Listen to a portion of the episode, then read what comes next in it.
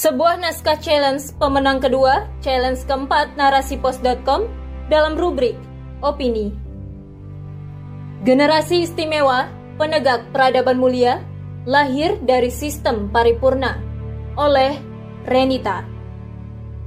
Kemajuan sebuah bangsa sangat ditentukan oleh kualitas generasi mudanya. Pemuda berkualitas bukan sekedar memiliki intelektualitas tinggi dan mampu berinovasi untuk bersaing di era revolusi digital.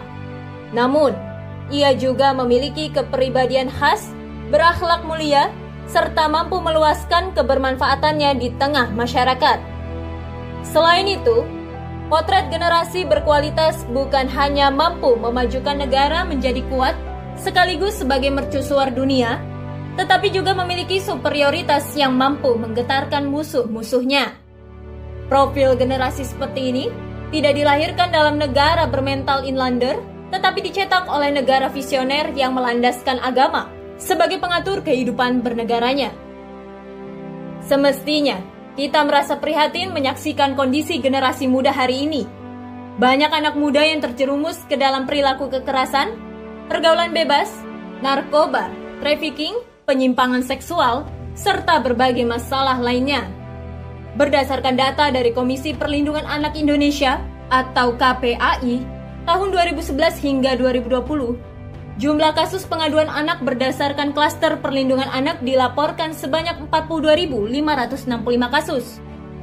Jumlah kasus anak berhadapan dengan hukum sebanyak 13.071 kasus.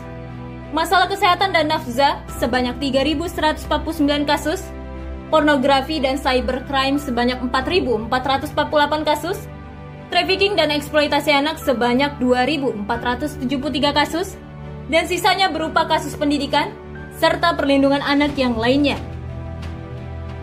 Inilah potret buram generasi muda tanah air saat ini. Ketika kita menyaksikan kondisi calon penerus bangsa hari ini, rasanya patut kita tanyakan, mengapa kondisi generasi muda begitu memprihatinkan? Apakah mungkin potret generasi muda seperti ini mampu menjadi generasi mulia yang dapat memajukan bangsa dan negaranya? Generasi kian suram dalam dekapan sistem usang. Bagi sebagian negara hari ini, pemuda dipandang sebagai aset ekonomi bangsa. Semua kebijakan sistem pendidikan diarahkan untuk mencapai visi tersebut. Kapitalisasi yang menyerbu sistem pendidikan memfokuskan pada kurikulum berorientasi profit, jauh dari nilai agama, serta sangat terbuka terhadap mantra-mantra barat. Alhasil, lahirlah intelektual yang hanya mengejar kesuksesan dunia, minim akhlak dan sangat pro terhadap ide-ide barat.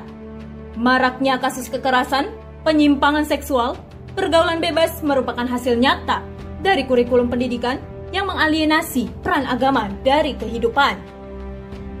Begitu pula adanya bonus demografi yang akan menghampiri populasi dunia, merupakan peluang besar untuk menyerap usia produktif di dunia kerja menjadi anugerah bagi korporasi. Pemuda dijadikan sebagai sapi perah untuk memenuhi target pasar konsumen bisnis kapitalis. Pemuda juga diseret dalam berbagai program internasional seperti Asia Pacific Youth SDG Summit dalam kerangka peringatan Hari Pemuda Internasional 2021 Memberdayakan pemuda untuk kesuksesan program tersebut menjadi cara efektif untuk membungkam sikap kritis pemuda terhadap berbagai regulasi rezim neolib sekaligus mengebiri kebangkitan pemuda Islam. Bahkan, untuk melanggengkan eksistensi demokrasi yang kian terpuruk, Barat menyapu bersih semua ide yang mengancam hegemoninya, yakni Islam politik dan khilafah. Caranya, dengan menjajakan ide moderasi Islam yang diaruskan dalam kurikulum pendidikan. Tujuannya sudah pasti untuk membenamkan perjuangan Islam dan mengasingkan Islam kafah dari benak generasi muda. Profil pemuda hari ini merupakan hasil didikan negara superior terhadap negara dunia ketiga yang membuat mereka kehilangan idealisme serta arah perjuangannya. Alhasil, mereka cukup berpuas diri ketika menjadi budak pasar dan industri, sekaligus sebagai kacung di negeri sendiri terpasung dalam gemerlapnya dunia serta kebahagiaan semu semata. Impian pemuda untuk menjadi penerus estafet perjuangan bangsa hingga menjadikan negeri sebagai bangsa yang besar harus kandas di tengah cengkraman ideologi barat. Sungguh, paradigma sekuler kapitalis hari ini telah menyeret pemuda menuju masa depan yang kian suram. Dekadensi moral yang menggerogoti para pemuda menjadi bukti nyata bahayanya sistem warisan penjajah ini.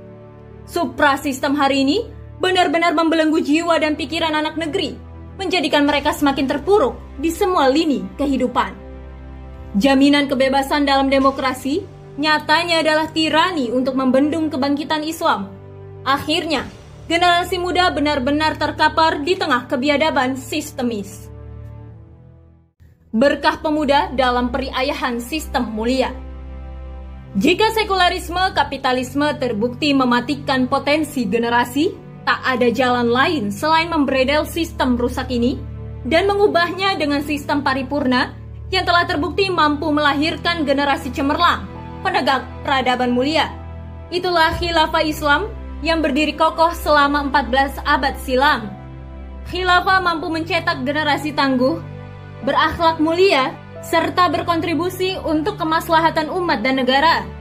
Sistem Islam akan mengantarkan generasi pada gerbang kemuliaan di dunia maupun akhirat. Landasan pembangunan generasi akan bertumpu pada ideologi Islam, termasuk landasan dalam sistem pendidikan dan semua sistem yang berkelindan di dalamnya. Supra sistem Islam akan bersungguh-sungguh melahirkan generasi pemimpin peradaban dengan menjadikan pendidikan sebagai kebutuhan pokok bagi setiap anak umat. Output pendidikan Islam akan menghasilkan generasi bersaksia Islam yang memahami visi misi hidupnya sebagai hamba Allah serta perannya sebagai khalifah yang memakmurkan bumi. Ketika Islam menjadi pijakan dalam seluruh sendi kehidupan, maka akan terlahir generasi hebat serta mampu tampil menjadi pemimpin peradaban mulia. Mereka menyadari amanah kepemimpinan umat dan pembangunan negeri yang ada di pundaknya. Sehingga mereka tidak akan mengabaikan masa mudanya dengan menceburkan diri dalam gemerlapnya dunia serta kesenangan semu lainnya. Sebab Rasulullah telah memperingatkan dalam hadis riwayat Al-Baihaqi, manfaatkan lima perkara sebelum lima perkara. Masa mudamu sebelum masa tuamu, sehatmu sebelum sakitmu, kayamu sebelum miskinmu, waktu luangmu sebelum saat sibukmu, dan saat hidupmu sebelum datang kematianmu. Hadis tersebut menjadi pelecut untuk mengoptimalkan peran mereka di usia belianya, sehingga mereka menenggelamkan dirinya dalam lautan ilmu serta suasana keimanan yang kokoh, memaksimalkan perannya untuk kebangkitan Islam. Profil pemuda seperti ini juga diungkapkan Imam Syafi'i. Hidupnya seorang pemuda adalah dengan ilmu dan takwa. Dengan ilmu dan takwa inilah Rasulullah mendidik para sahabat mulia menjadi generasi hebat dambaan umat yang mampu menorehkan tinta emas sejarah peradaban Islam. Mereka adalah pemuda yang mendedikasikan hidupnya untuk perjuangan dan dakwah Islam, mengisi hari-harinya untuk kepentingan Islam. Potret pemuda istimewa dalam asuhan sistem Islam. Periayahan sistem Islam telah melahirkan generasi cemerlang yang berkontribusi dalam mengokohkan peradaban hingga mampu menjadi mercusuar dunia. Bahkan, Islam tampil sebagai adidaya yang ditakuti oleh musuh-musuhnya. Profil pemuda tersebut dapat kita temui di zaman Rasulullah hingga masa kekhilafahan setelahnya. Kita lihat kisah Usama bin Zaid.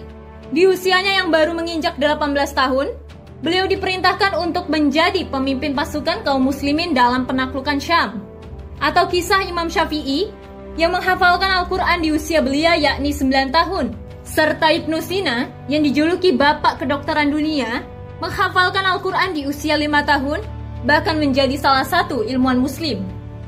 Betapa luar biasa generasi muda Islam dalam periayahan Islam kafah yang kala itu berhasil menguasai dua per 3 dunia.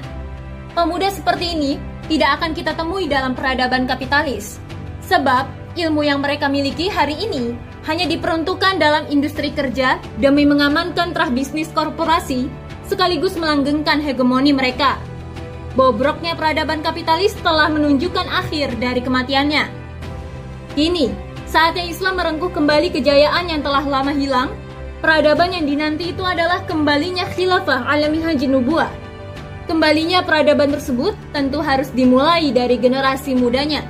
Maka dari itu, Wahai pemuda Islam, jadilah generasi emas pelopor perubahan, penegak peradaban mulia, serta menjadi detonator kebaikan bagi umat. Wallahu a'lam bishawab.